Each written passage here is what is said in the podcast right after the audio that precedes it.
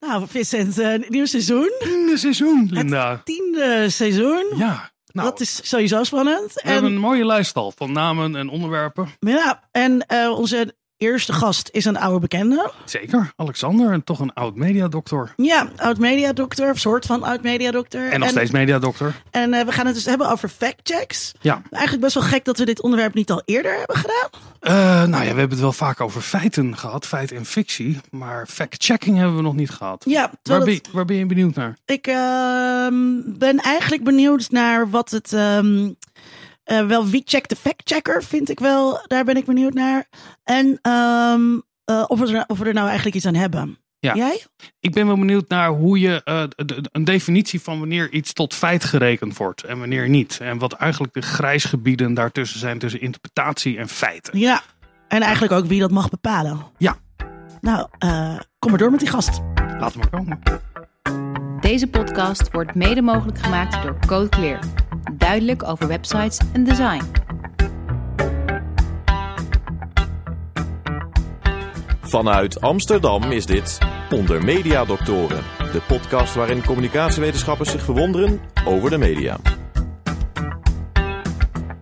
Vandaag gaan we het hebben over fact-checks. Dat doen we met Dr. Alexander Pleiter, universitair docent mediastudies aan de Universiteit Leiden en coördinator van Nieuwscheckers, het fact-check-project van diezelfde universiteit.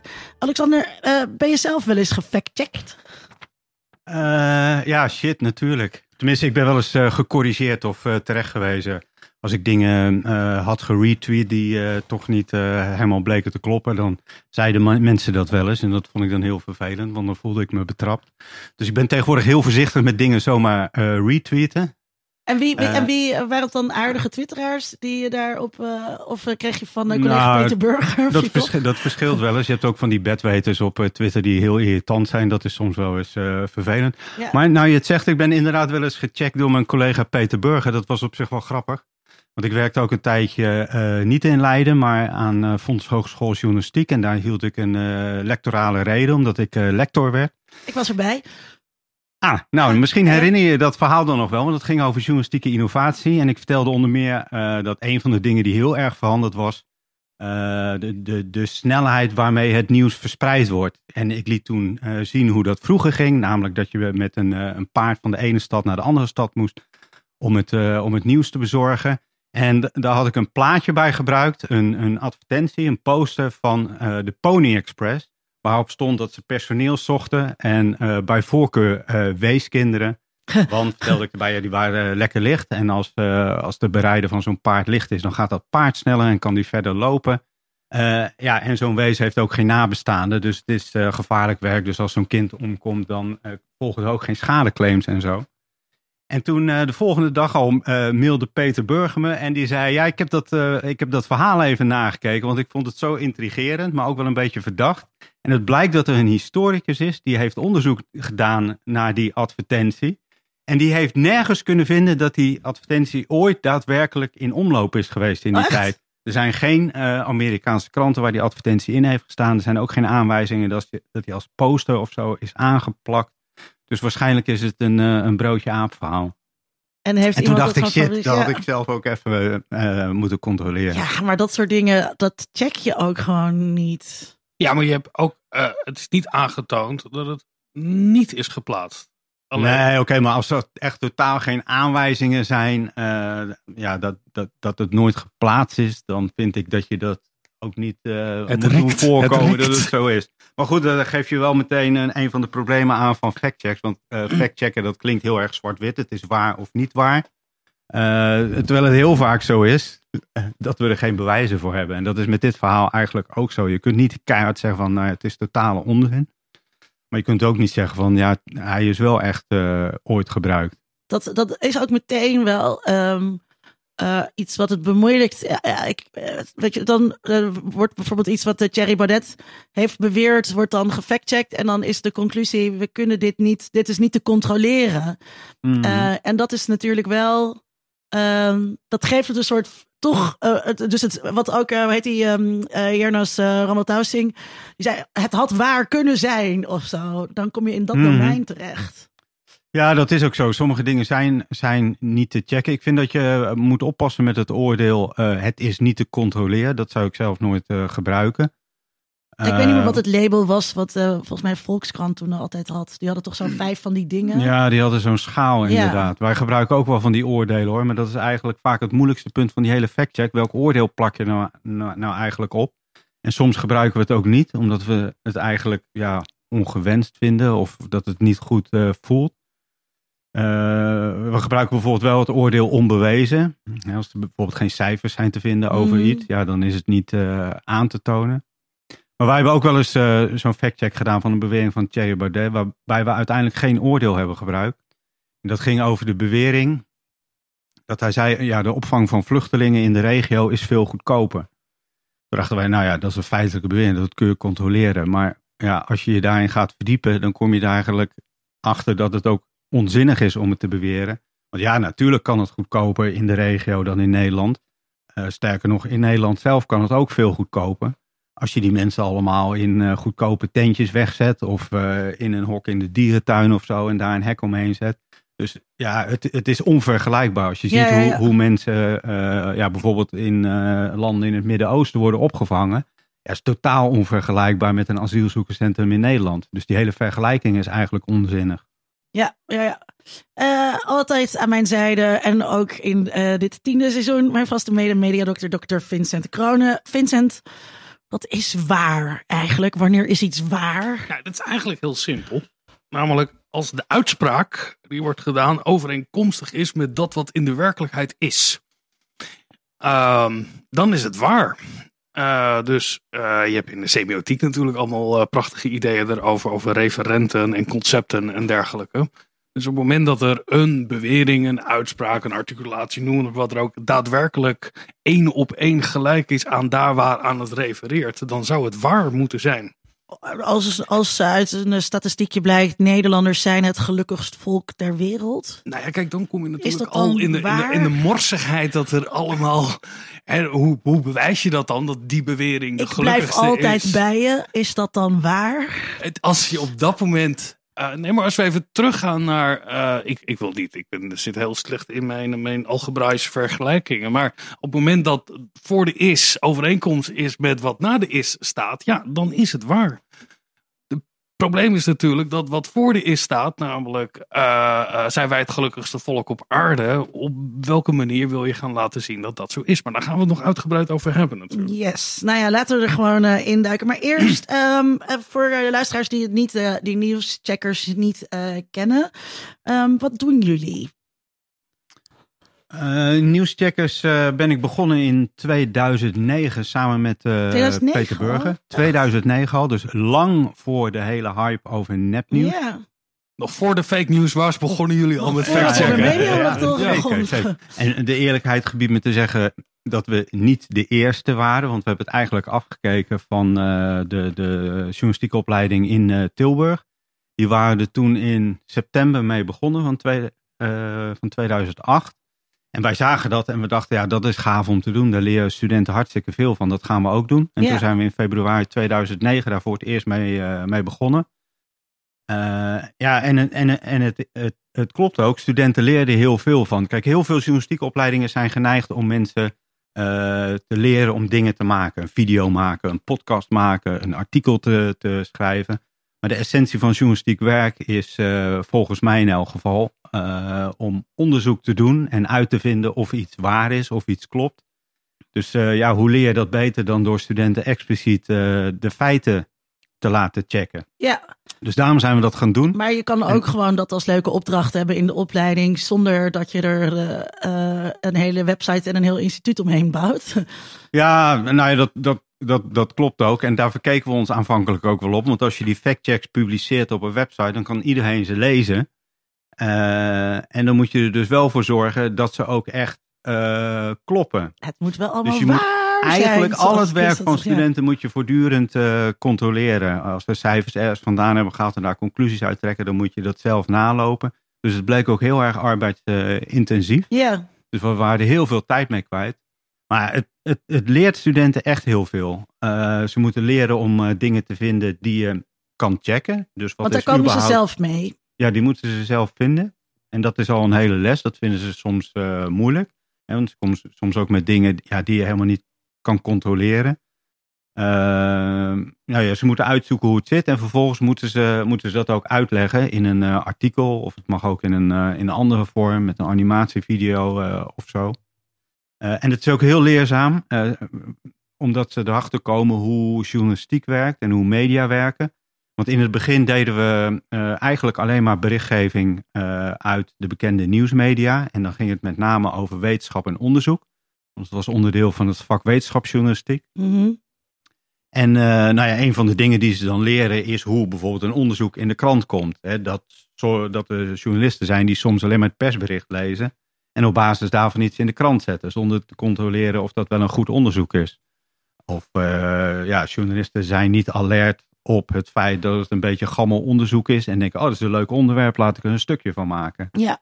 Dus het is ook een beetje ja, ontluisterend soms als studenten erachter komen van, goh, die journalisten die controleren alles helemaal niet zo Ja. gedegen als uh, ons altijd geleerd wordt. Ja, maar uh, het was dus voor, vanuit. ehm uh, van, dus om studenten meer gericht op het opleiden van studenten dan op ehm dienst voor het publiek. Ja, absoluut. Het is echt een onderwijsproject, zoals we er toen uh, mee begonnen. Want die website die was ook helemaal niet bekend. Niemand gaf iets om factcheckers in die tijd. Dus er kwam ook nauwelijks iemand uh, op die website uh, kijken. Wanneer is dat veranderd? Ja, dat is veranderd in 2017. Toen zijn we voor het eerst. Trump. Nou, niet per se daarom. Maar in, uh, in 2017 zijn we voor het eerst gaan factchecken met een hele grote groep studenten tijdens de Tweede Kamerverkiezingen. Die waren toen in, uh, in maart. En uh, nou ja, toen gingen we beweringen van politici factchecken. En daarvan merkten we dat mensen daar ja, heel veel belangstelling voor, voor, hadden. Mensen zeiden, goh, ja, dat is, dat is goed dat jullie dat doen en, en belangrijk. Ehm, en Tegelijkertijd speelde inderdaad al dat gedoe over nepnieuws en de verkiezing van Trump. Die was toen net geweest in november 2016. Dus ik denk dat we daar toen ook wel een beetje op, uh, op meegelift hebben. Uh, maar dat was eigenlijk de, de grote verandering. Toen, toen werd dat hele onderwerp van nepnieuws en van factchecken, uh, ja, drong zeg maar door tot, tot de mainstream. Ja. Opeens gingen alle media erover schrijven. Toen kwam Facebook ook met, met de eerste maatregelen om iets te doen tegen nepnieuws. En ze gingen toen uh, samenwerken met uh, factcheck-organisaties. En Nederland was toen een van de eerste landen waar ze dat ook gingen doen. Alleen er waren. Dus met jullie? Nou ja, er waren geen nieuwsmedia die mee wilden doen, behalve nu.nl. En toen kwamen ze inderdaad bij ons uit. En toen hebben wij ook een jaar meegedaan aan, uh, aan dat programma bij, uh, bij Facebook. Ja, daar, daar horen we straks en, vast nog meer over. Maar um, um, wat, want volgens mij zijn jullie de, want uh, de Volkskrant heeft de factcheck afgeschaft. Uh, het, het, de, als, ik zie het niet meer zoveel als rubriek in de kranten.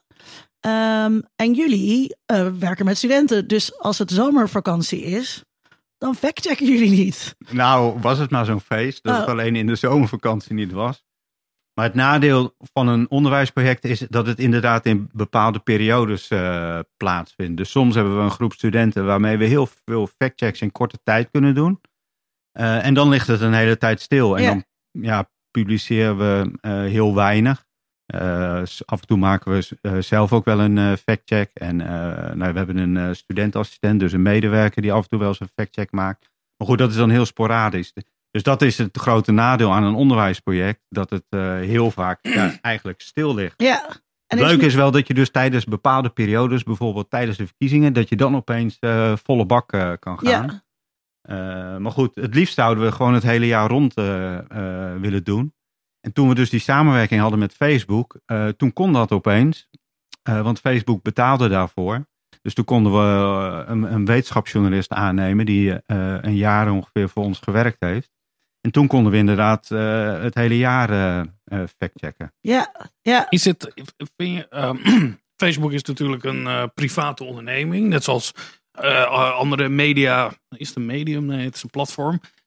Um, it, hoe vind je het dat Facebook daar wel geld aan besteedt en de andere nieuwsmedia, de Nederlandse nieuwsmedia, daar minder ruimte voor geven?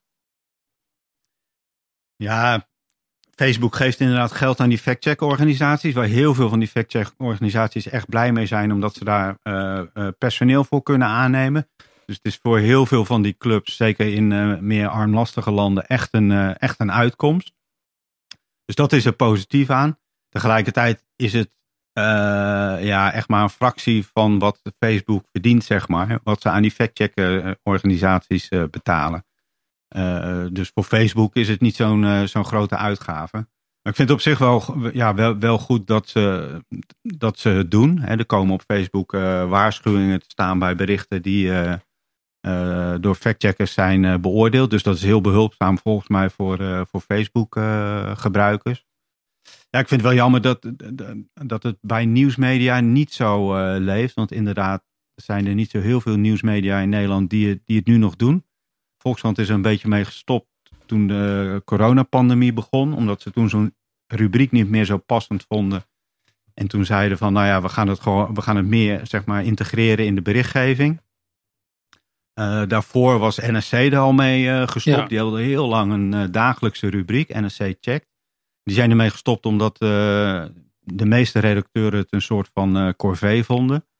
Uh, dus er was ja, te weinig animo op de redactie. En toen zeiden ze nog wel van ja, we, we blijven het wel doen, maar niet meer uh, in dat vaste ritme. Ja. Nou ja, toen dacht ik, uh, voor je het weet, is, het, is het echt dood. En volgens mij is er daarna ooit nog maar één keer een factcheck gepubliceerd op nsc.nl. En nu is het gewoon weg ik moet denken aan uh, een van mijn lievelingsfilms is Almost Famous. Uh, over een uh, muziekjournalist. En die blikt terug op zijn allereerste klus. En dan mag hij meereizen met een band. Echt een fantastische film. Um, maar, en hij beschrijft dus voor Rolling Stone. En hij stuurt zijn verhaal in. En dan is er een factchecker. En die gaat alles checken wat in dat verhaal staat. Bestaat dat überhaupt in de Nederlandse journalistiek? Nee, in, in, Nederland, in Nederland niet. Tenminste, niet bij mijn weten. Dat, dat, dat gebeurt eigenlijk uh, niet. Er zijn wel eindredacteuren die af en toe eens vragen aan journalisten van... Uh, goh, klopt dit wel? En die controleren wel of namen goed geschreven zijn en zo. Ik weet dat NRC, uh, eh, de opinieredactie, loopt wel een aantal dingen na... om te zien of dat klopt. -huh. Ja, nou ja, dat is op zich verstandig. Ja. Dat, dat, is wel, wel, belangrijk. Maar in, in Amerika is het echt een, een, een, een, een, echt een grote afdeling geweest. Geweest?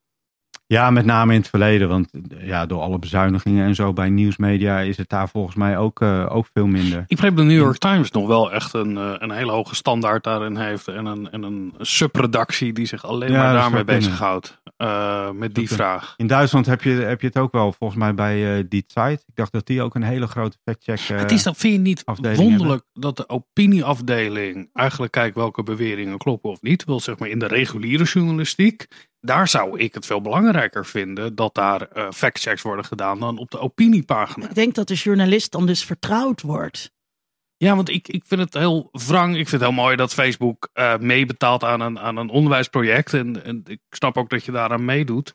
Maar het is op zich heel wrang dat een hele belangrijke speler in uh, de, de, het verspreiden van fake news zich nu opwerpt om te zeggen van nou we gaan projecten steunen met factcheckers en dan gaan we dat dan op je pagina in je timeline erbij zetten wat niet klopt. Terwijl zij het, het, het, het is toch een beetje als degene die je eerst in elkaar heeft geslagen je daarna zelfverdedigingscursus gaat geven. die zo'n uh, die zo'n uh, ja. kinderbeweegproject uh, Precies, ja. McDonald's ook die de Olympische Spelen sponsort. Want een Big Mac gecombineerd met een intensieve sportcarrière is helemaal niet zo erg. Dat, daar, daar wringt toch iets dat. Want we schetsen nu de Nederlandse journalistiek waarin het minder uh, sterk aanwezig is. Tuurlijk hoort het bij de journalistieke praktijk van je feiten checken. Maar dat we dan overgeleverd zijn aan dit soort partijen om daar een uitspraak over te doen. Uh, ja, nou, kijk, Facebook heeft natuurlijk altijd het adagium gehad dat, dat, uh, dat je uitingsvrijheid moet hebben op het, uh, op het platform. En ik vind daar in essentie ook, ook niks uh, mis mee. Ik, ik zou er ook heel erg tegen zijn dat als op basis van, van factchecks heel rigoureus berichten meteen verwijderd zouden worden. Daar ben ik eigenlijk, eigenlijk helemaal niet voor. Ik vind het nuttig dat er een factcheck bij, bij komt te staan. Dat mensen zien van, goh, er zijn factcheckers geweest, die hebben er serieus naar gekeken, die hebben onderzoek gedaan. En die leggen uit waar, waarom iets uh, niet klopt. Ja, daar steek je iets, uh, iets, iets, iets van op. Maar ik ben, ik ben er eigenlijk heel erg tegen om, om, om berichten weg te halen. Tenzij ze echt heel kwalijk zijn. Bijvoorbeeld oproepen tot, tot geweld of beledigend zijn, smadelijk. Mensen beschuldigen ja, van dingen. Ja, dat, is strafbaar, dus dat ook, moet weg. Ja. Hey, Vincent, wat is een feit eigenlijk? Nou ja, daar, volgens mij kunnen we. Uh, uh, is dat, en is dat anders dan ik, waar? Ik wil niet in, in, in, gelijk beginnen met dat er verschillende vertogen zijn waarin feiten op verschillende manieren functioneren. Um, in, in, voorbereiding hierop en gisteravond. Ik zat een, een uh, documentaire te kijken, ging over de Big Bang en over hoe ze weten, tenminste het idee van waar de Big Bang mm. vandaan komt. Ten eerste, het was helemaal niet zo'n harde knal, wat ik heel erg grappig vond. Het was 110 decibel. Maar dat weten we natuurlijk. Het is een redenering gebaseerd op inzichten die vanuit natuurkunde komen en gedeeltelijk op waarnemingen. Maar we weten heel zeker dat niemand erbij was. Toch ervaren wij dat nu als een soort wetenschappelijk feit waaraan gerefereerd wordt, waarvoor heel veel dingen te verklaren kunnen zijn. Dus er, zitten, er is een hiërarchie van feiten. Uh, die, op een, uh, uh, die allemaal feitelijk genoemd kunnen worden maar die wel op een andere manier functioneren en ook een andere overredingskracht hebben. Um, ik vind een, een, een kwalitatieve duiding van de omstandigheid kan feitelijk waar zijn, al is het een interpretatie. Uh, terwijl een cijfermatige er, vindt, er vond racisme plaats op de school waar ik onderzoek deed. Precies, als jij dat, dat, dat, dat is een feitelijke constatering op basis van jouw waarnemingen. Dat zou je feitelijk kunnen noemen als jij zegt, uh, terwijl feitelijke beweringen die gebaseerd zijn op cijfermateriaal, natuurlijk, en dat weten we allemaal, ook heel erg misleidend kunnen zijn daarin. Als je Ja. zegt dat 88% van de Nederlanders heel erg gelukkig zijn en je hebt dat alleen maar uh, in Amsterdam gemeten, ja, iedereen is hier gelukkig. Ja, Dus daar kan je die vertekeningen in krijgen. Dus dat is ook, ben ik heel benieuwd als factcheckers. Weet je, wel, hoe, hoe ga je, hoe definieer je dat wat een feit is? Ja, dat, zo nadrukkelijk zijn we daar niet mee bezig. eh, Dat we er gaan over nadenken wat, uh, wat, een, uh, wat een feit is. We zijn er eigenlijk mee bezig. Maar je, op je t-shirt staat, weten luisteraars niet, facts matter. Facts matter. Maar dan moet je toch nadenken over wat, Feiten- wat een fact is. Feiten doen ertoe. Ja, nee, dat klopt. Kijk, wat, wat je in de praktijk eigenlijk doet, is om eh, te kijken wat het meest aannemelijk is. Dat is eigenlijk ook wat wetenschappers eh, natuurlijk doen. Hè? Ja. Net die theorie over die Big Bang die jij vertelde. Ja, wat, wat, wat is het meest aannemelijk? Waar zijn de meeste eh, bewijzen voor? En soms eh, ja, kun je eh, heel makkelijk aantonen dat iets niet waar is. En kun je heel makkelijk zeggen van ja, het, is feitelijk aantoonbaar dat, dat, dat het niet klopt. Maar in veel gevallen is dat helemaal niet zo makkelijk. Ja, als iemand een foto op, op social media post en zegt: Kijk, dit zijn de beelden van eh, rellen in, eh, in Amsterdam vandaag. En je gaat terugzoeken waar die foto vandaan komt. En je ziet dat die drie jaar oud is. En dat die gemaakt is in Parijs. Nou ja, dan kun je heel duidelijk zeggen: van, Ja, dit, dit klopt niet. Hè, dit is eh, iets wat iemand verzonnen heeft. Dus dat, dan is het heel duidelijk. Maar ja, bijvoorbeeld al bij de vraag van. ehm, eh, zijn Amsterdammers gelukkiger dan, dan Rotterdammers? Ja, dan kom je al bij de vraag: hoe kun je dat eigenlijk meten? Geluk is eigenlijk een vaag concept. Dat is niet iets wat je uit de, boekenkast kan trekken en zeggen: hier heb je het. Dus eh, eh, ja, er zijn onderzoekers die dat proberen te meten. En dat doen ze op allerlei verschillende manieren. Je hebt wetenschappers die gewoon vragen aan mensen: hoe gelukkig ben je? Op een schaal van 1 tot 10. Terwijl andere wetenschappers zeggen: ja, eh, dat, kun je niet op die manier meten. En je moet meerdere items aan mensen voorleggen om dat abstracte concept eh, Items, items. Ja. Items, zoals sommige wetenschappers zeggen. Ja. Eh, d- dus ja, daar zitten aannames aan hoe je dan zo'n concept het beste kan meten. En, maar hoe gaan jullie dan mee, met dat onderscheid? Want eh, Bille, ik begrijp, je zit in een onderwijsproject, maar jullie dragen het ook uit naar de rest van de wereld. Waar trekken jullie die grens dan?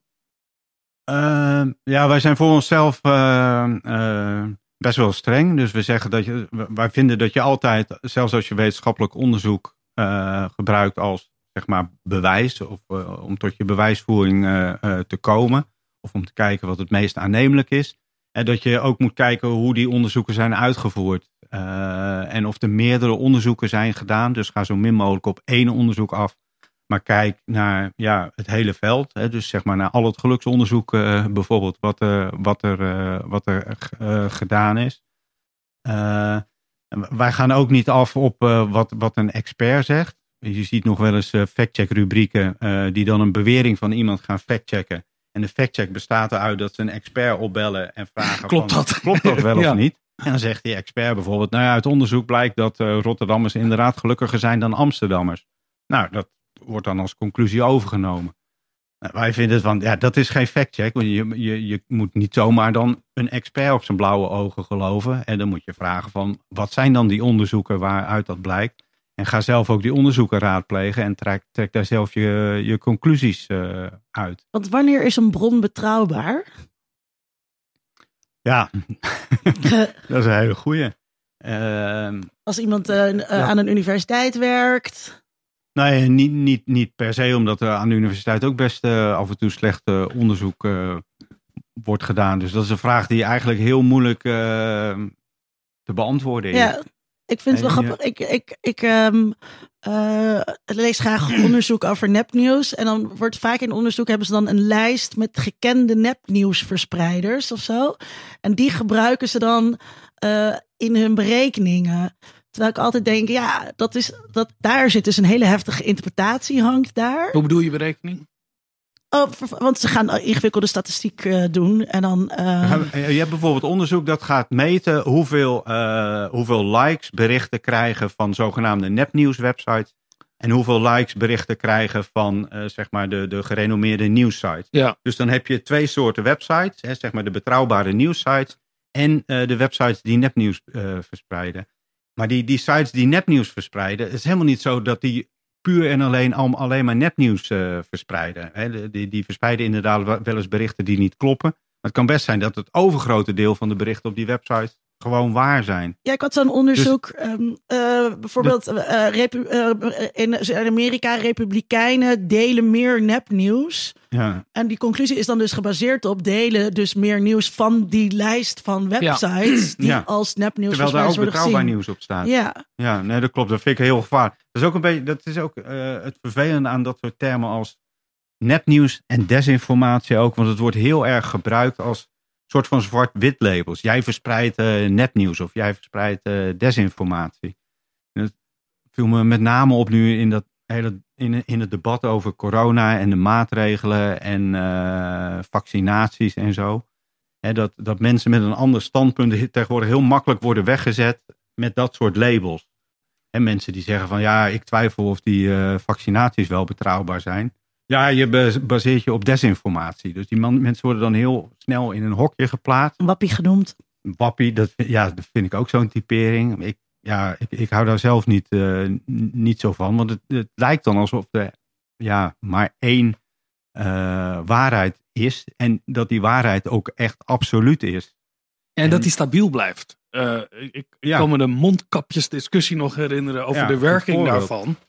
Uh, als het RIVM zegt dat werkt niet en daarna wel, ja, wat moeten we dan nog meer wel ja, niet geloven? Wat, Maar, eh, maar ook dat, ehm, eh, dat, dat door iedereen die dan kritisch is op dit beleid, zeg maar, die komt, je komt dus al snel in die wappiehoek terecht. Terwijl er, er heel veel kritische dingen op het beleid te zeggen zijn die helemaal niet in de wappiehoek zitten. Of bijvoorbeeld ook met eh, eh, wat het volgens mij in Amerika meer discussie was dan hier, ook in, in serieuze nieuwsmedia.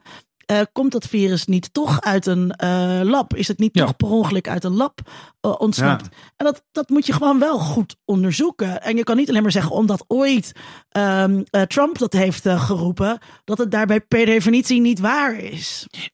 als, je, als je die bronnen, weet je wel, je, je hebt het reguliere nieuws of de mainstream media.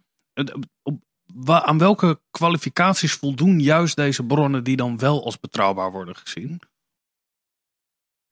Ehm, nou ja, dat ze in zekere mate pogingen doen om, eh, om, om, om dingen te checken, denk ik. Ehm, en eh, ja, ik, ik denk dat sommige media daar meer moeite voor doen dan, eh, dan anderen.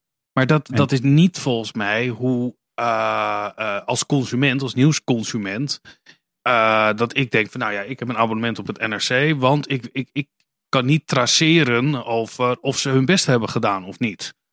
Eh, en dat kan je op een, uh, een, een, een, site wat in de marge zit. Van, van maar hoe doe je dat zelf dan? Nou, ik, ik denk dat we ook heel erg de, die betrouwbaarheid ge, gebaseerd is en geconstrueerd is op je omgeving. waarin hmm. daar bevestiging in zit dat op het moment dat ik tegen jou zeg van nou, wat ik nu op de dagelijkse standaard heb gelezen, het moet eens afgelopen zijn, dan zeg jij tegen mij, nou, uh, informeer jezelf, educate yourself, weet je wel, lees eens wat anders. Dus het zit ook heel erg in het gewicht en, en, en het, hmm. in het imago van een uh, reputatie, is een beter woord, van een bron, om je in bepaalde kringen over uit te kunnen spreken. Aardig weet je hier. Um, uh, een van mijn studenten heeft afgelopen jaar onderzocht hoe complottheorieën uh, gerepresenteerd worden op Radio 1.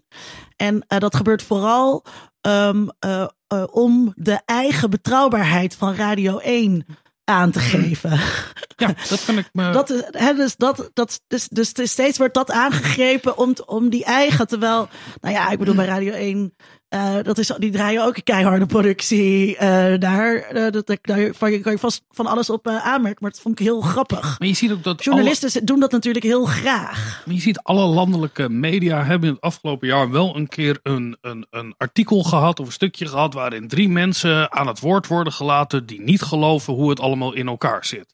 En bij de Telegraaf krijgen ze net iets meer ruimte om dat te vertellen. Krijgen ze iets minder tegenspraak. En dan zeker krijg je een soort sociologische analyse erbij. Dat ze waar ze wonen en hoe ze gekleed zijn. En dat we toch uh, uh, de overheid hier een verantwoordelijkheid in heeft om dat beter te ondersteunen. Maar ze krijgen allemaal wel een platform daarin. Maar als een soort human interest verhaal. Wat is het toch zielig dat deze mensen zo ver zijn afgedreven van de werkelijkheid. Volgens mij zit dat, dat legitimeert ook natuurlijk dat platform. Maar dat, dat is, ik kan me heel goed voorstellen als jij de nieuwsberichtgeving ziet. Dat je, zeker in tijden van corona met grote onzekerheden, maar dat je ook denkt van ja, we worden er allemaal ingeluisterd. Het ware nieuws wordt niet verteld. Uh, dit zijn de mainstream media. Er is ook een koppeling tenminste, ik weet niet hoe jij dat ziet, tussen uh, nou ja, hoger opgeleide mensen die vertrouwen bepaalde bronnen wel, omdat die bronnen ook dichter bij ze staan, of misschien de mensen die daar zitten op ze lijken. Zit, zit, zit daar een relatie in? Ja, dat zou, dat zou best eens kunnen. Dat, dat, dat is ook altijd, uh, uh, denk ik, bij, bij factchecks uh, een lastige kwestie. Omdat wij zelf hoger opgeleid zijn, onze studenten zijn hoger opgeleid. Dus je legt dingen uit op een bepaald niveau, wat misschien wel totaal over de hoofden van heel veel, heel veel mensen heen gaat. En dat is met, met heel veel dat is met heel veel nieuws volgens, volgens mij ook zo. En uh, over het algemeen is het ook zo dat mensen uh, dingen, ja, zeg maar berichten uit, uit bekende kring sneller, sneller vertrouwen. Hè. Als, als je moeder iets uh, verspreidt op uh, Facebook bijvoorbeeld, dan ben je al sneller geneigd om, uh, om te geloven dat dat wel zal. heel slecht voorbeeld. Het zal een heel slecht voorbeeld in dit geval. Waarom zou je twijfelen aan je moeder of, of aan vrienden bijvoorbeeld?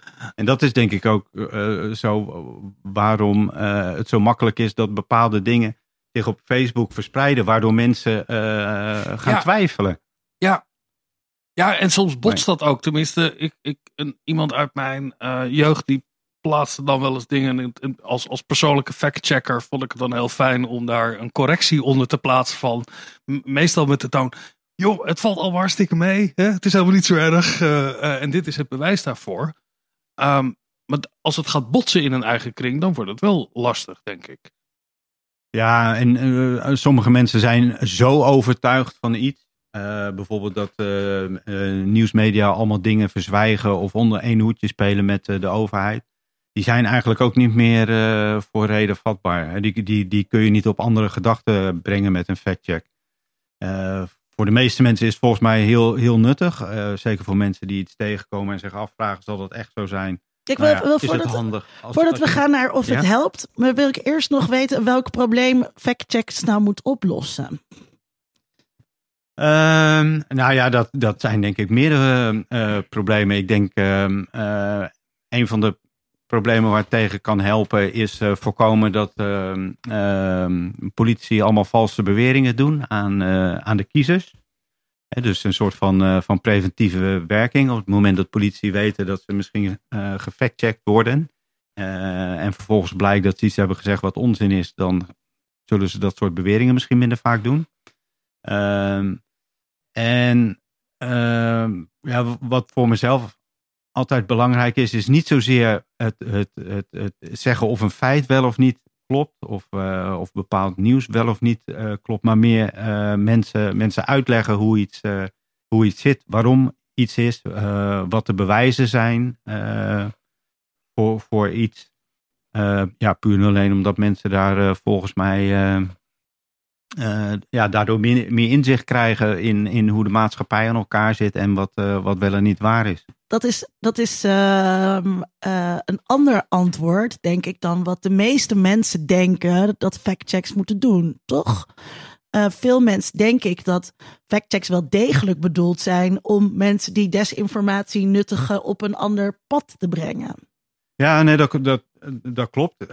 heel veel mensen hebben ook het idee dat, dat factchecks mensen uh, invloed moeten hebben op de politieke voorkeur van mensen. Ja. He, zo zeggen ze van, nou ja, Trump wordt heel vaak gefactcheckt. Ik snap niet dat mensen nog op hem stemmen. Ja. Zo ik denk van, ja, als je het eens bent met de standpunten van Trump, ondanks dat hij onwaarheden verkondigt, kun je nog steeds zeggen van, ik ben, ik, ja, ik ben het eens met zijn visie op hoe Amerika bestuurd moet worden of wat het beleid moet zijn. Ja. Uh, dat vind ik wel een, uh, een, misvatting. Dat is niet het doel van een factcheck. Een factcheck is niet om de politieke voorkeuren van mensen per se te veranderen. Ja, of, of, of andere dingen bij te sturen. Want um, uh, nou, dan kom je bij. Ja? Zou, dat, zou dat kunnen dat je. want je leidt journalisten op. zijn er feiten die beter zijn dat ze misschien wel waar zijn, maar beter zijn om niet te checken of ze waar zijn of niet? Want stel je voor dat ze waar zijn. Laat ik een voorbeeld geven. Er is een uh, discussie over woningnood en vluchtelingen. En stel er is een politicus, en dat is vast al gedaan. Als we tien jaar lang geen vluchtelingen opnemen, dan uh, zijn de wachtlijsten uh, voor de huurhuizen die zijn weg. Dat kan je onderzoeken. Ik weet dat er voorbeelden ook zijn geweest over mm -hmm. de introductie van de gulden. Of mm -hmm. wat kost nou eigenlijk die migratiegeschiedenis. Dat ja. zijn feitelijkheden die je kan onderbouwen bouwen wellicht, maar die ook werken naar een samenleving die misschien niet wenselijk is. Ja. Ja, ja dat, dat, dat kun je afvragen. Moet je dat dan wel uh, checken? Want uh, uh, misschien, misschien, dat soort dingen is wel gedaan. Bijvoorbeeld, ik kan me herinneren dat er wel eens onderzoek naar gedaan is wat migratie inderdaad oplevert aan de Nederlandse economie. Ja. En worden we daar beter van? Is dat goed voor de Nederlandse economie? Of is het slecht voor de econo uh, Nederlandse economie? Ja, nou ja, dat, dat levert misschien feiten op over dat, uh, over dat vraagstuk. Ik zou zelf zeggen van ja, ik, het, het is misschien interessant om te weten, maar aan de andere kant vind ik het ook wel uh, onzinnig, omdat je ja, vluchtelingen niet toelaat om de Nederlandse economie te, te stimuleren. Eenmaal ze hadden gezegd, ik, geen vaccins voor mensen van boven de 75. Want ja, die, die, die leveren weinig op. En uh, nou, dat, dat biedt een oplossing voor de vergrijzing. Um, dat, dat, dat kan je factchecken. Um, Zo'n bewering. Maar stel je voor dat het waar is. Ja, dat, dat kan waar zijn. Maar ik, ja, ik, ik zou me dan van tevoren wel afvragen van... Ja, is dat nou zinnig om, uh, om, om, om te, gaan, uh, te gaan checken? Of kom je te veel in de hoek van... Uh, ja, wat is wel en niet wenselijk om, om te doen? Ja, maar dat, dat, waar zie jij daar een, een, een rol als je met studenten hebt? Want je komt dingen tegen die misschien eh, vandaag, nou, ik dacht dat het niet waar was, blijkt wel waar te zijn. Uh, maar die ook onwenselijke, tenminste, die ideologisch misschien tegen mm -hmm. de borst stuiten. Is dat, nou ja, speelt dat een rol? Ja, nou, dat, dat speelt een rol. Uh, dat we het daar wel over hebben met uh, studenten. En dat we zeggen, ja, let op, als je dit gaat checken, Uh, er zou kunnen uitkomen dat het klopt. En uh, ja, dan gaan we het publiceren en dan staat je naam er wel bij. en uh, ja, we hebben wel eens studenten met bepaalde politieke opvattingen, die bijvoorbeeld zeggen van, nou ja, ik, ik, ik erger me dood aan die en die politicus.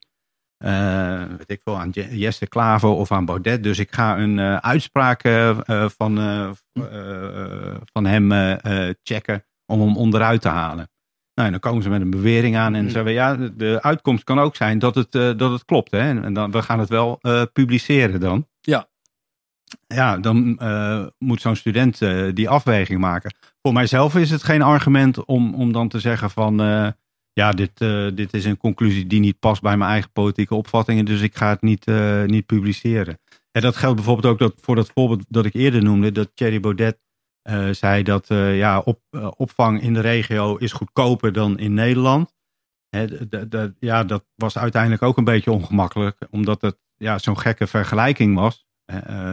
Maar we hebben het stuk wel gepubliceerd, weliswaar zonder dat oordeel erin. Maar we hebben precies uitgelegd van eh, zoveel kost het in de regio en zo ziet die opvang eruit. En zo is het in Nederland. En maar dat is wel dat, dat nadenken daar alleen al over. Ik had daar ook nog nooit over nagedacht dat dat verschillend is in hoe we ze opvangen. Eh, dat nadenken daar alleen al, dat is ook heel waardevol. Los inderdaad van het oordeel. Ja, precies. Da- daarom ook mijn idee. Eigenlijk is het geven van uitleg over de feiten eh, veel belangrijker dan uiteindelijk zeggen eh, het is wel of niet waar of Ja. er is wel of geen bewijs voor. Wat dat betreft denk ik eh, de laatste tijd ook wel, ja, die, die term factchecken is misschien eigenlijk ook niet zo ongelukkig. Eh, is misschien ook wel een beetje ongelukkig, omdat hij niet helemaal vat waar het in elk geval in mijn visie om draait. Factsplaining. Ja, zoiets. Ja. Klinkt ook wel een beetje rottig, maar het zou wel een betere term zijn eigenlijk. Ja. Ehm, want want dan, dan komen we dus ook bij de vraag van helpt het? Ehm, Facebook zet dus onder bepaalde berichten eh, eh, dat, het, dat, het, eh, dat, ze, dat ze gefactcheckt zijn. Betekent dat dat die berichten dan ook minder gedeeld worden?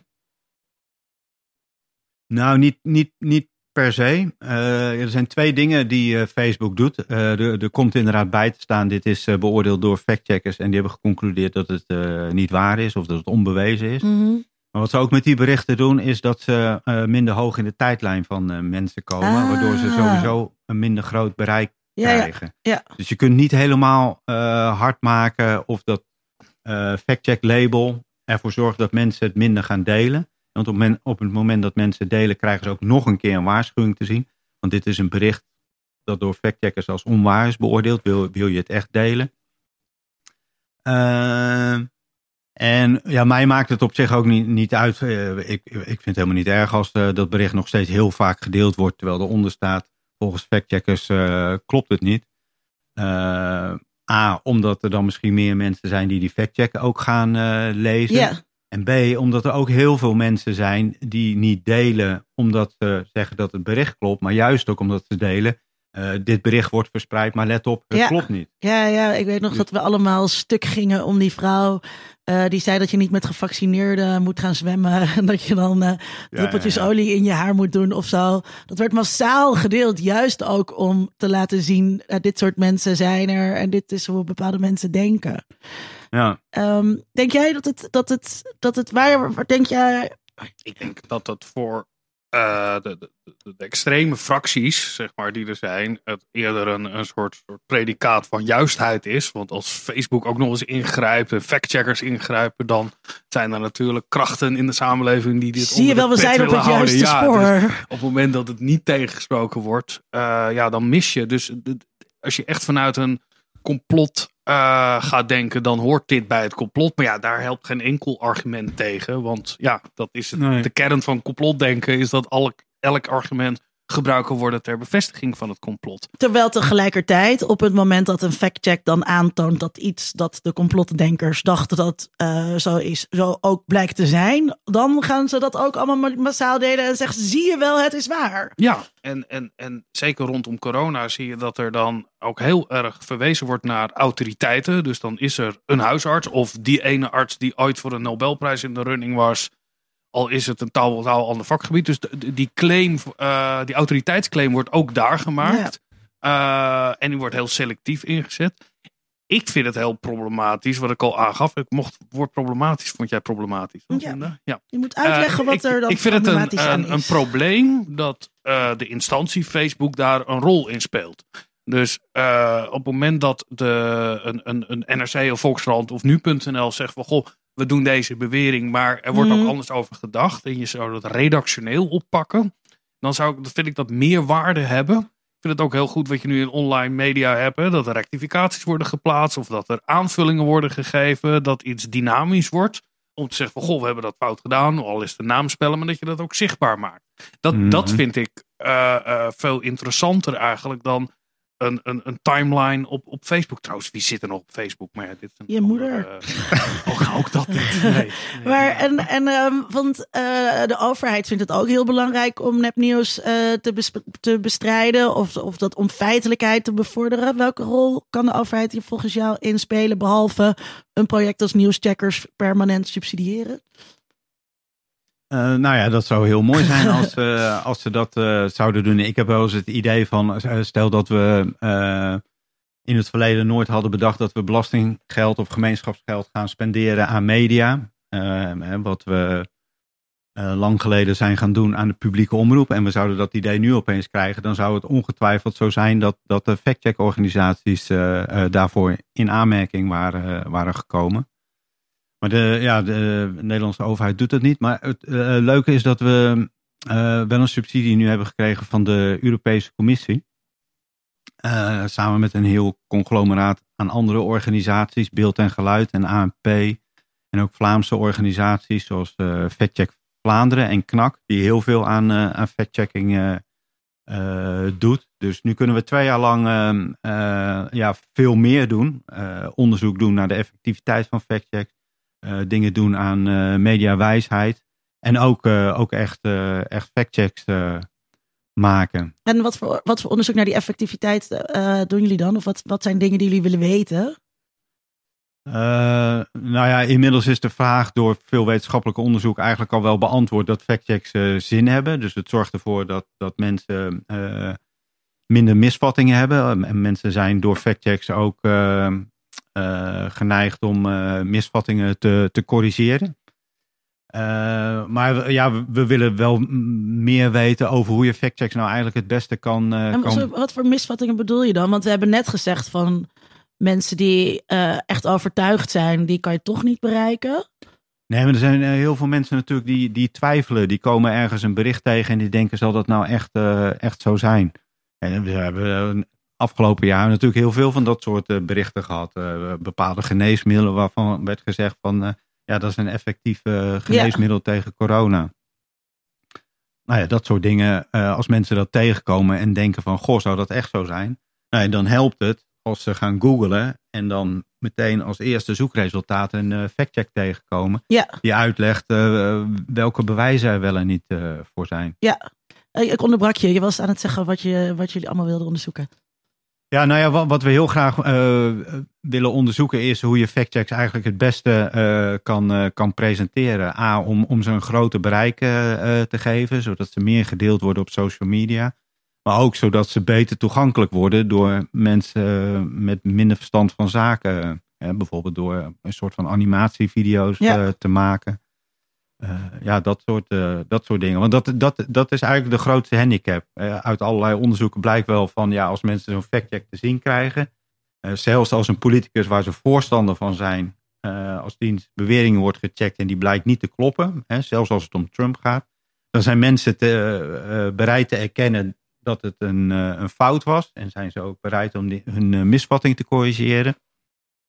Wat helemaal niet wil zeggen dat ze vervolgens niet meer op Trump stemmen. Ja. Maar de, ja, de grootste, eh, het grootste probleem is dat de meeste mensen zo'n factcheck helemaal niet onder ogen krijgen. Eh, en als ze zien dat Trump gefactcheckt is en ze zijn fan van Trump, dan gaan ze die factcheck niet lezen. Ja. En mensen eh, zijn ook selectief in het vermijden van bepaalde media-inhoud.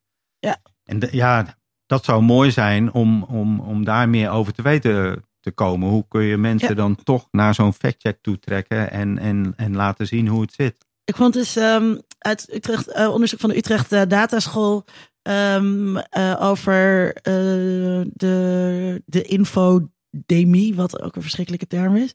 ehm, dat Instagram daar een hele grote rol in speelde. En dat het dus, we hebben toen Mirko Schaefer te gast gehad, eh, die ook ging uitleggen hoe, hoe ingewikkeld het is ook om Instagram te onderzoeken. Omdat dat toch vaak buiten omdat het veel visueel is. Of het wordt altijd een beetje buiten gedaan. Terwijl dat natuurlijk juist een plek is. En dat is ook niet echt een plek. Omdat je daar niet goed met linkjes kan werken. Dus je kan niet goed daar ook um, uh, delen. Ja, nee, dat klopt. En een, ander probleem is WhatsApp. Dat is misschien nog wel belangrijker. Zeker in een heleboel andere landen. Waar mensen heel veel desinformatie of onjuiste informatie uh, verspreiden via, via WhatsApp-groepen. Waar die WhatsApp-groepen echt heel erg groot zijn en een, bijna een rol als een massamedium hebben. Ja. Maar je kunt niet zien wat zich daar allemaal afspeelt. Tenzij je ja, in zo'n groep uh, terechtkomt. Ja. ja, infiltreert. Ja. ja, maar dat zegt wel. Ik vind het een hele interessante vraag. Als, als ik kijk naar die, die media-uitingen in, in de periferie die bedienen zich niet van uh, doorvrochte, lange geschreven stukken. Uh, die maken, dat is heel visueel ingesteld. Uh, op YouTube heb je heel veel, ook nog steeds, dat is daar geweerd. Nu kan je op Shoot, of heet dat allemaal, die alternatieven voor YouTube. Dat zijn hele aantrekkelijke filmpjes. ook een soort talk radio heb je natuurlijk al heel lang in de Verenigde Staten. Als je daarvan houdt, ik, weet je wel, die, die enorme bombast die daar vaak onder zit. Dan denk je, nou, al is er maar 10% van waar, dan deugt er niks van deze wereld. Ik denk dat we daar in, de jaren 90 had je die adbusters uh, beweging. Die gingen gebruik maken van de marketing tools van de grote kapitalistische organisaties om het kapitalisme op te pakken. Dat vonden wij toen hartstikke leuk en postmodern. Uh, want het het spel met tekens. Ja, luisteraars, dat, dat vonden wij vroeger leuk. Maar ik denk dat we er wel van kunnen. kunnen we wel van leren. Van goh, ik denk als je in dat domein wil komen waar mensen daar naar kijken, dan, dan, dan moet je niet een, een leuke rubriek in de NRC hebben. Dat, dat, dat moet je ook daar intreden. Ja, nee, dat, dat klopt. Want wij publiceren ook voornamelijk artikelen als factchecks. Terwijl dat eigenlijk idioot is. Want uh, dat is hartstikke uh, inspannend om, uh, om te lezen. Dat past in, inderdaad helemaal niet zo bij de beeldcultuur tegenwoordig. En af en toe laten we studenten wel experimenteren met, met, met het maken van die uh, animatievideo's. Maar ja, dat zijn we helemaal niet zo goed in. En dat is een van. Ja. ja. het is bewerkelijk. Je moet gewoon iemand hebben die dat heel goed kan. Dus dat willen we wel heel, heel graag doen. Of als, een, of als, uh, als meer vlogachtig, wat je op Insta kunt delen. Ja, ja, ja uh, precies. Als een soort. Um... Nou ja, dat is natuurlijk wel ingezet door de, de Nederlandse overheid, door influencers te gaan betalen om te gaan vertellen over uh, vaccineren, ja. omdat je daarmee dat publiek ook kan bereiken. Waar vervolgens ja, daar... weer kritiek op komt. Ja, ja, en daardoor denken mensen ook dat ik geld krijg van de overheid. Toen ik zei dat ik zo blij was dat ik gevaccineerd was, toen kreeg oh. ik echt. ja, want echt mensen op Twitter allemaal van nou, die lag, die lag nu naar de bankrekening. En uh, terwijl, ja. Maar, maar, stel dat dat waar zou zijn. Ah, is dat dan een gelegitimeerde strategie van uh, om met een op basis van een factcheck ook je boodschap Ik denk dat de overheid moet daar hartstikke terughoudend in zijn. Net als dat op een gegeven moment had uh, wie was dat uh, Ollongren die had zo'n lijst gepubliceerd van van sites met nepnieuws en um, ja daar, dat dat dat was dat vond ik heel heftig. Daar, daar, moet de overheid heel ver van blijven. Nou, de Europese Unie toch ook? Uh, dat ja, geen stijl erop stond. Uh, en dat leidde tot, uh, tot vragen in ieder geval. Ja, nee, dat, dat, dat klopt. Er was zo'n website EU versus Desinfo. En die ja. ging ook een soort van factchecks doen die van een hele slechte kwaliteit waren. En die plakten er dan ook het label op nepnieuws verspreiden of desinformatie, zoiets. Ja. Nou ja, dat, als, dat klinkt dat... toch een beetje als de Ministry of Truth. Hè? Ja, nee, ja, dat klopt. Dat vind ik ook heel fout. Ik, ik, ik, ik vind het best te, te legitimeren dat uh, vanuit de overheid gemeenschapsgeld wordt gebruikt om, om, om bepaalde media-initiatieven te ondersteunen. Hè, zoals nu de, de publieke omroep, maar kunnen ook factcheck-organisaties zijn. Of verder de podcast overheid... onder mediadoktoren. Goed idee. maar verder, de overheid moet zich daar verder niet, niet mee uh, bemoeien. En moet al helemaal niet bepaalde media gaan labelen als verspreiders van desinformatie of zo. Ja, dat, dat, dat gaat zo in tegen de, tegen de ja. vrijheid van pers. Ja, um, ja. Um, tenslotte, uh, uh, voordat we naar de eindvraag gaan. Um, uh, wie checkt de factcheckers? Ja, iedereen. Ik zou zeggen, join us, doe, doe mee. Het uitgangspunt van, van factcheckers is, is heel expliciet, je moet transparant zijn. Er is een soort van internationale code van factcheckers. Uh, van de, de IFCN, International uh, uh, Fact Check Network.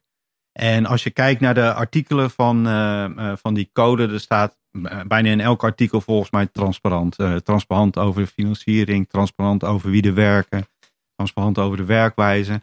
En het idee is ook dat, dat die factcheck altijd zo transparant mogelijk moet zijn over hoe je bij die conclusie komt. dus je moet duidelijk zijn over welke bronnen heb je uh, geraadpleegd.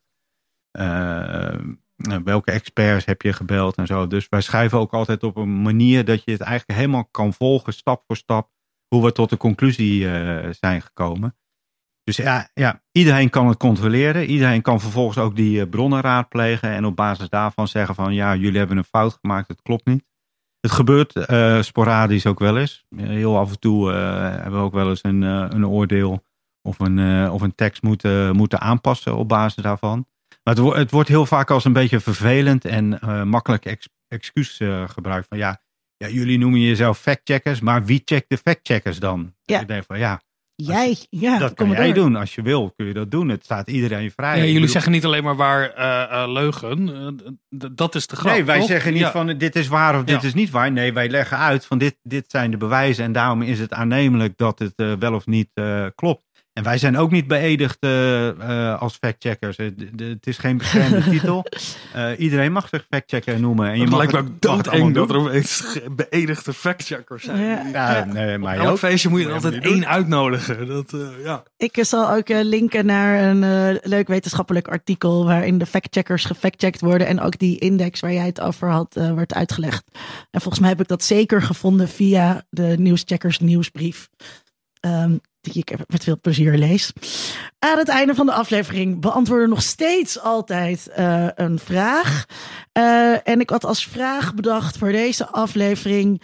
ehm, zorgen factchecks voor een beter functionerende democratie? Ik zal hem eerst door Vincent laten beantwoorden en dan eh, door jou. Nou, wat mij. Er zit iets heel droevigs aan de opkomst van factcheckers. Want het zou eigenlijk een onderdeel moeten zijn. In ieder geval van de journalistiek. Dus je, zet er iets naast wat eigenlijk inherent aan de journalistiek zou moeten zijn. Eh, ook in vorm, dat dat traceerbaar zou moeten zijn. Eh, je ziet een beweging ook in de wetenschap, eh, open science, waarin mensen duidelijker moeten zijn over hoe ze tot beweringen komen, inzicht moeten geven in hun data, inzicht moeten geven of er qua financiering belangen zijn. Dus die trend is hier op heel veel punten. Ik denk dat daar in de journalistiek nog wel wat van te leren is. Of in ieder geval die daar met elkaar in kunnen optrekken om dat te doen. Dus het zou niet nodig moeten zijn, eh, want het is een onderdeel van het ambacht van de journalistiek. Daarnaast denk ik dat er natuurlijk heel veel in, in het nut daarvan zit er juist in, in, in de beweringen die in die periferie plaatsvinden, laten we het zo maar zeggen, waarin ook helemaal niet de bewering wordt gedaan, dit is de waarheid. Maar eh, het zou zo kunnen zijn, of jij gaf het voorbeeld, het had waar kunnen zijn. Eh, en daar kunnen dingen ontstaan, ook op, op, op WhatsApp of in andere groepen. Eh, ik weet dat er twee Europeanen vermoord werden ergens in Indonesië, meen ik, omdat op WhatsApp doorging dat er witte kinderlokkers door het land heen trokken op motoren. Ja, dan heb je wel een probleem als je in een dorp aankomt en mensen denken dat van jou. Eh, en waar dan ook, op welke manier dan ook. Dus het, het nut ervan is ja, dat we eh, geweld uitsluiten uiteindelijk. Ik denk dat dat de ultieme, het ultieme doel is dat we niet op, naar aanleiding daarvan mensen willen doodmaken. Eh, dat, dat, dat- lijkt me dus ik ben tegen mensen doodmaken. Eh dankjewel, Ja. Alexander. Om daar Nee, maar dat is een goede dat je dat zegt, want dat is ook eh, het, het meest tastbare, zeg maar. Denk maar aan de genocide in, eh, genocide Ja, in eh, Rwanda. Rwanda. Ja. Die is op die manier begonnen met het verspreiden De van, cute little van, noses, ja. De, van, van hatelijke, ja. onjuiste berichten over andere bevolkingsgroepen. Dat is, de- denk ik, ja, dat is het summum van wat je wil voorkomen. Daarnaast, ja, moeten we ook wel blijven omarmen dat er allemaal, eh, eh, dat, er- dat we in een veelstemmige samenleving leven waarin mensen verschillende interpretaties kunnen hebben eh, op basis van verschillende bronnen. Ja, Dat, Ja. Daar ben ik, eh, ik, ben, ik ben niet voor een Europese instelling die gaat bepalen wat waar is en wat niet waar is. ja. Eh, Alexander, zorgen factchecks voor een beter functionerende democratie? Ja, dat klinkt heel, heel hoogdravend. Beter functionerende eh, democratie. Eh, ik zal het bescheiden houden. En ik denk dat het zeker belangrijk is voor de democratie. En met name voor, eh, voor kiezers. En dat is uh, ook een beetje inhakend op wat uh, Vincent net zei. Van ja, het hoort eigenlijk inherent te zijn aan, aan de journalistiek. die Amerikaanse factcheck-beweging, met name die politieke factcheckers, bekende instituten als factcheck.org en PolitiFact, die zijn echt ontstaan vanuit de journalistiek, maar ook als een tegenbeweging eigenlijk in de journalistiek. Want hoe zag die uh, berichtgeving tijdens de Amerikaanse presidentsverkiezingen eruit? Uh, nou ja, die presidentskandidaten die riepen van alles en nog wat. Journalisten tekenden dat op en die zeiden dan van ja, Kennedy zegt dit en Nixon zegt dat. En nou ja, uh, noem maar op. En dus die noteerden wat, wat die kandidaten zeiden. Maar of dat nou klopte, ja, het was fair and balanced. inderdaad, hè. Ja. ze komen allebei aan het woord, ze mogen allebei hun zegje doen. Maar klopt het nou eigenlijk ook uh, wat ze zeggen? En, en uh, op een zeker moment waren er de journalisten die zeiden van ja, we moeten niet zomaar uh, weergeven wat ze zeggen, maar we moeten ook zeggen of het klopt. En, en dat was heel ingewikkeld voor veel nieuwsmedia, want die zeiden van ja, maar als wij gaan zeggen van Nixon liegt en Kennedy spreekt de waarheid, dan, dan nemen wij een standpunt in. Want ja. dan, dan doen wij alsof wij voor, voor Kennedy zijn. Dat willen we niet. Dus daardoor ja, zijn die journalisten die dat belangrijk vonden, eigenlijk nieuwe journalistieke initiatieven begonnen. die zijn uh, die factcheck-organisaties uh, uh, begonnen. Ja. Ik, ik, denk dat het heel goed is. Hè. Ik vind dat, dat, dat je als kiezer moet weten of het klopt wat politici zeggen. Ze kunnen je wel alles op de mouw spelden. En als er niemand zegt van, maar het klopt helemaal niet wat, wat, wat ze zeggen. Ja, waarom, waarom uh, uh, zou je dan nog uh, gaan stemmen als je je stem baseert op dingen die helemaal niet kloppen? Ja. Dus daarom denk ik dat het, dat het in elk geval een essentieel onderdeel is van een, van een democratie. Ja. Checken. Ja, nou ja, ik vind het heel. ik zit er steeds. Ik denk steeds vanuit die burger. Omdat daar elke keer zo de nadruk op gelegd wordt. als het gaat over nepnieuws of mediawijsheid of zo. Dan wordt er steeds uh, ook de verantwoordelijkheid eigenlijk bij de nieuwsconsument gelegd. Die dus al, al, al, allemaal kritische vragen moet stellen en bronnen moet controleren. En dus ik dacht, ik was heel erg vanuit dat uh, punt aan het vertrekken. Terwijl uh, dit, is, dit is natuurlijk iets heel anders om te zeggen: nee, het, het uh, werkt preventief op politici. Um, uh, dus ik, en ik geloof direct dat het waar is. Um, en ik ben altijd kritisch op al die mediawijsheid-initiatieven, zoals de trouwe luisteraar weet. omdat ik, ja, ik vind het heel raar om te zeggen. Dat een burger zich tegen van alles, of een nieuwsconsument zich van tegen van alles moet wapenen. Um, terwijl we ook andere dingen kunnen, kunnen onder, ondernemen om te voorkomen. Als het bijvoorbeeld gaat over reclame, weet je wel, reclame op kinderen, dan kunnen we kinderen weerbaar maken tegen reclame. Of we kunnen reclame op kinderen verbieden. Ja, dat is ook een weg, snap je? Dat, ja. um, ja, ik dus ben ik... het daar heel erg mee eens. Die, die, die nadruk op mediawijsheid, die irriteert mij ook heel vaak. Want dat wordt inderdaad ook vaak als oplossing voorgesteld bij uh, nepnieuws en desinformatie. Als we mensen maar leren dat ze kritisch moeten zijn en hoe ze zelf dingen kunnen controleren. Dan denk ik, ja, mensen hebben er helemaal geen tijd voor. En het is vaak hartstikke ingewikkeld. je moet rapporten lezen, wetenschappelijke publicaties doornemen. Dat, dat, dat gaan mensen niet doen. Nee. Dus je hebt mensen nodig die dat doen voor ze, zodat ze het zelf makkelijk uh, ja. ja, het lijkt een beetje op de recycling gedachte die in de jaren negentig opkwam. Wat helemaal uit de industrie kwam. Van ja, wij maken allemaal verpakkingen. Uh, maar jullie moeten dat recyclen. De maatschappij, dat ben jij. Zo'n ja. sieren uitspraak. Echt verschrikkelijk. Ja. Dit was aflevering... Met deze hoopvolle woorden. Met deze hoopvolle woorden. Uh, dit was aflevering 145 van de podcast Onder Media Doctoren. De redactie bestaat uit uh, ons, uh, Vincent en Linda. kijk op ondermediadoctoren.nl voor ons archief en vind daarin bijvoorbeeld ehm, aflevering 19 over oorlogspropaganda. Uh, aflevering 41 over subjectieve journalistiek. Aflevering 98, de fake. Of misschien uh, aflevering 136, weerstand uh, tegen waarheid.